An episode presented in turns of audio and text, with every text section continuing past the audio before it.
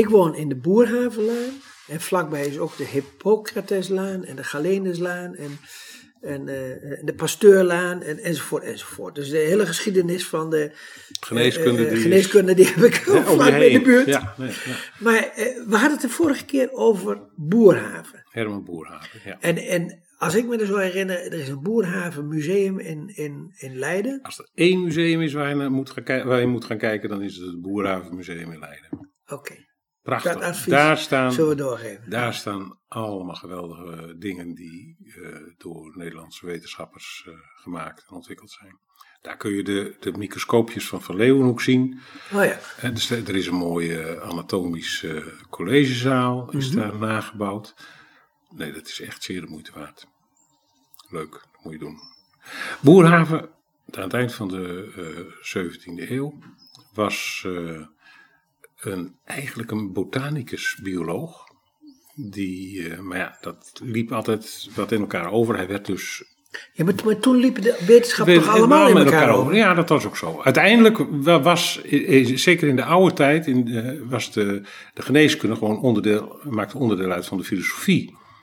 Zoals elke wetenschap. Ja, het enige ellende was dat, eh, eh, naar mijn idee, maar goed, dat is het, het oog van, eh, van de 21ste eeuw, eh, was dat natuurlijk de filosofie feitelijk theologie was. In die tijd. En eh, Ja, en daar moet je natuurlijk wel een aan- eh, kenteken mee maken dat eh, iedereen was katholiek.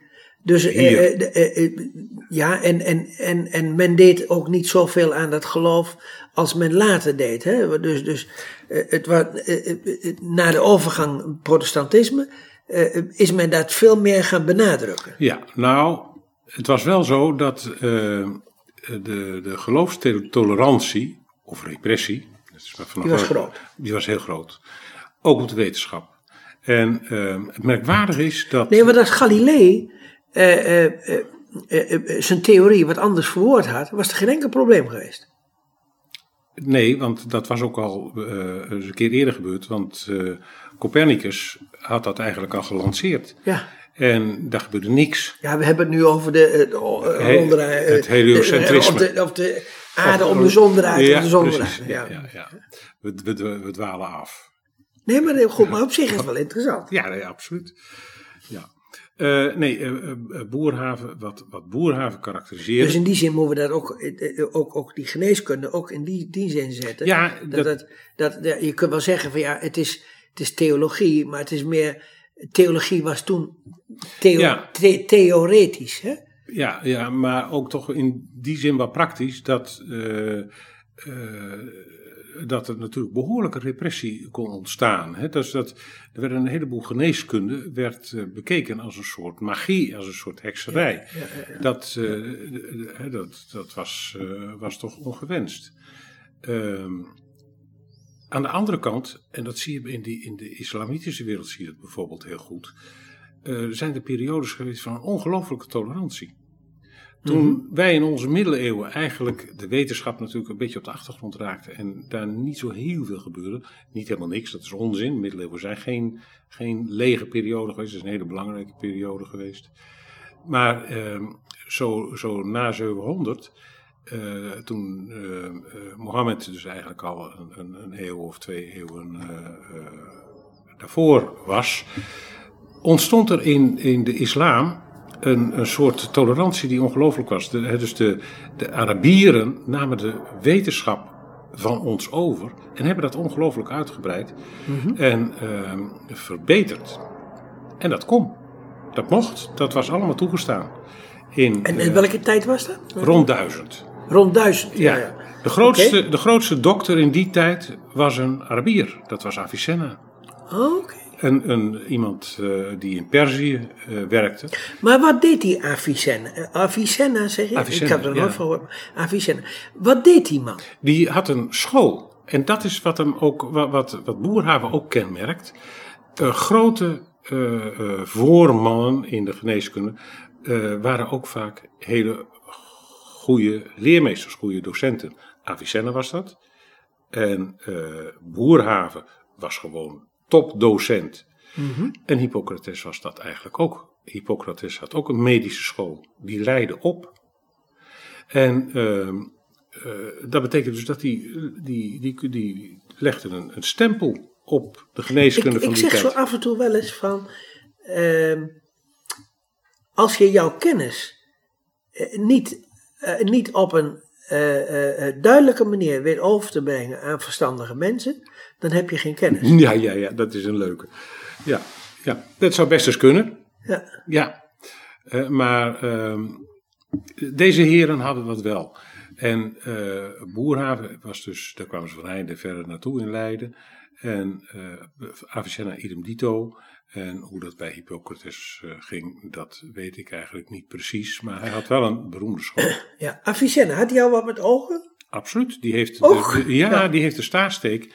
Eh, dat was allemaal geen ommekeer zoals Jacques Daviel in 1749. Maar hij eh, eh, verbeterde het aanzienlijk. Want een van de dingen die hij doorhad, zonder dat hij nou wist hoe het werkte, was dat je bepaalde protocollen moest, moest volgen.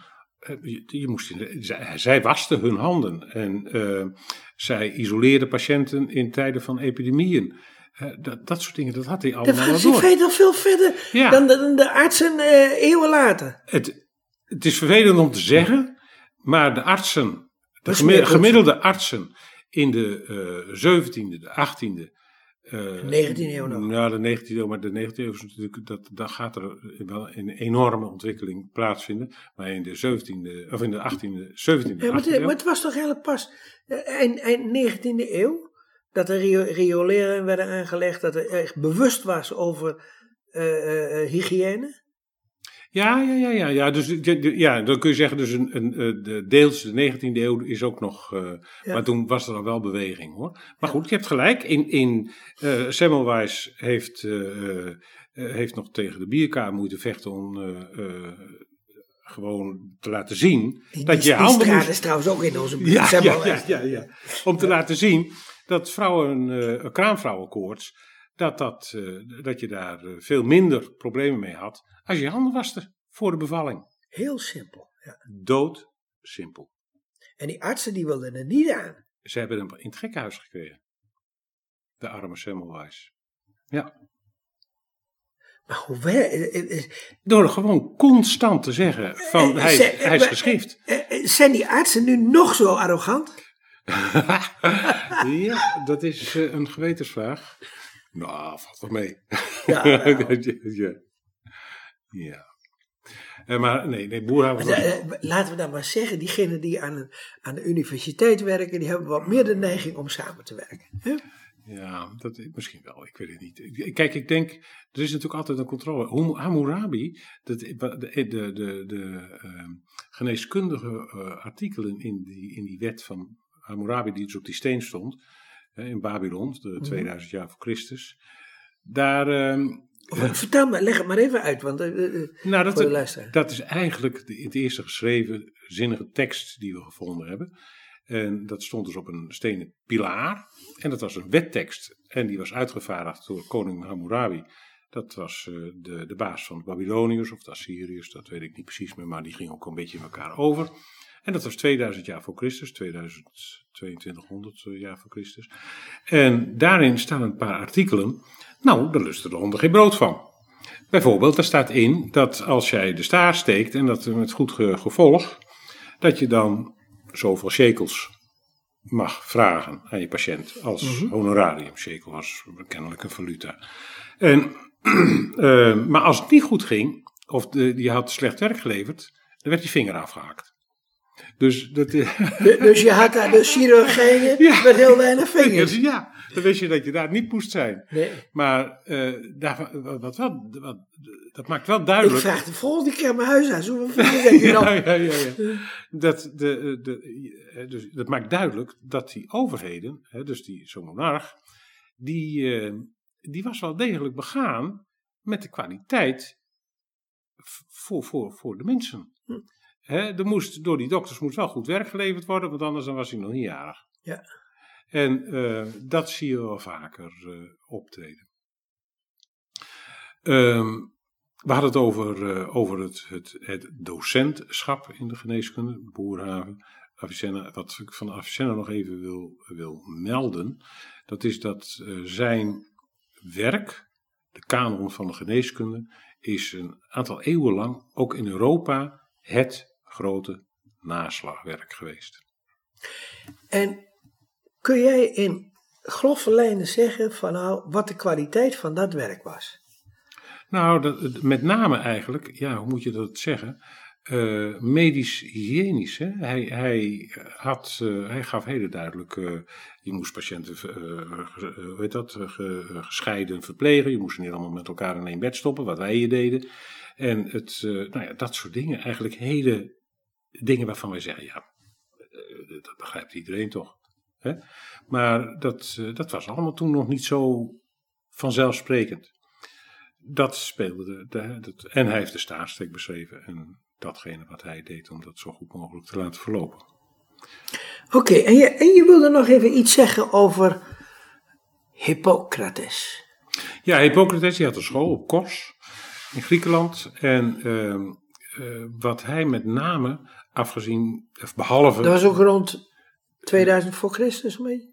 Uh, 460 ongeveer. 460 dus iets dichterbij. Ja, ja. Maar ehm, wat ehm, Behalve zijn, zijn humorale, dus de theorie van de, van de lichaamssappen, dus ja. uh, had hij ook een, bracht hij ook een, een belangrijke uh, ethisch eh, aspect in de geneeskunde in. En ehm, dat, ja, het uitvoersel daarvan is dus die eet, waarin je dus uh, belooft dat jij je patiënt uh, naar eer en geweten zult behandelen. Mm Een van de belangrijkste uh, dingen die daarin staat, en tot op de dag van vandaag is dat zo belangrijk en het wordt zoveel vergeten. Het eerste, de eerste plicht van iedere dokter is zijn patiënt niet te schaden. Mm -hmm. Het primum non nocere. Mm -hmm. Dat moet eigenlijk het uitgangspunt zijn van iedereen die verantwoordelijkheid draagt over, uh, over een ander. En dat is. Maar, maar dus, ik, ik zit daar. Dat komt dus bij Hippocrates vandaan. Ja, ja, ja. Die zegt dat. is een dat. prachtige. Ja, iedere, maar, iedere dokter belooft dat ook, tot op de dag van vandaag. Ja, en, en dan kan ik me toch even iets voorstellen. Hoe kan het dan dat artsen toch in dienst zijn van een verzekeringsmaatschappij, in, in dienst zijn van een bedrijf, ja. Ja, en, uh, uh, en in feite niet. En ik, en, ik, en, en ik zie ook nog wel andere dingen. Ja. Dat namelijk, uh, want psychiaters zijn voor de overheid wel ingezet. Ja. Ja, en, en die zijn niet de patiënt aan het helpen, maar die zijn een instituut aan het helpen. Ja, maar ik denk dat je, ik wil niet zeggen dat je vergissing maakt, maar dat je wel nuance aan moet brengen. Want je patiënt niet schaden betekent nog niet dat jij je patiënt altijd zult helpen om datgene te bereiken wat die patiënt in zijn hoofd heeft. He, dus het, uh, uh, de, en dat geldt natuurlijk voor een heleboel verzekeringsdokters ook.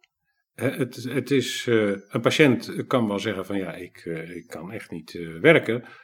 Hij bedoelt, ik heb er geen zin in. Dat komt gewoon voor. En dan kan die dokter, kan wel, die moet dan zeggen, ja, je kunt dat best. En dan gaat die patiënt die gaat klagen van ja, die dokter die behartigt mijn belangen niet. Terwijl dat wel zijn plicht is, hij heeft ze beloofd.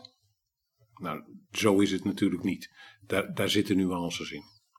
En niet schade betekent niet dat je de patiënt altijd te willen moet zijn in wensen die gewoon niet reëel zijn.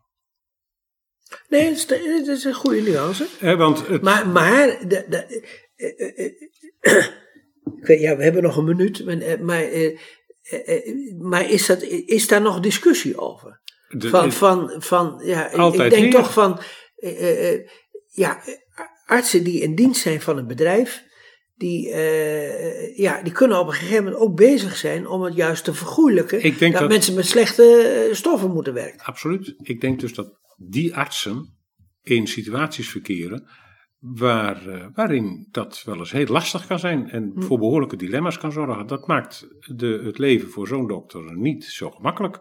Maar hij zal daar wel wat mee moeten, want zo zit onze maatschappij in elkaar. Maar wordt hij ook door andere artsen voorgehouden? Van, uh, Ja, hou je wel een Hippocrates? Eh, Wij hebben niet voor niks een tuchtrecht. Hè, dat is daarop gebaseerd. Ja. Ehm,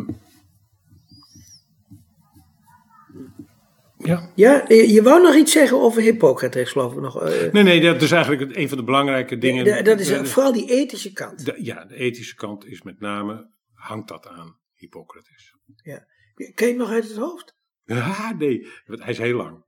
Oh ja? Het is een hele lange eet, ja. ja Maar, want je zei namelijk, dit ene Ja, element maar- zijn, maar, maar zijn er nog belangrijke Ja, er zijn nog, zitten nog wel meer in. Verder is het, de eet die nu eh, afgelegd wordt, is niet letterlijk meer de eet van Hippocrates. Hij is aangepast. Mhm. Er staan wat dingen in allemaal die, die, die in de oorspronkelijke eh eet niet stonden. En, en er zijn dingen weggelaten. Dus dit, dit- maar de gedachte is nog steeds, de, laten we zeggen, de Hippocratische gedachte. Dat, eh, van, de, van de eet, die geldt gewoon nog steeds. En het primum non nocere, het, het eerste wat ik zal eh, doen, is mijn patiënten niet schaden. Ja. Dat sta- is nog, staat nog recht overeind. Hartstikke mooi. En nou, dus in ieder geval hebben we een ethische basis eh, gelegd voor de verdere. Ja.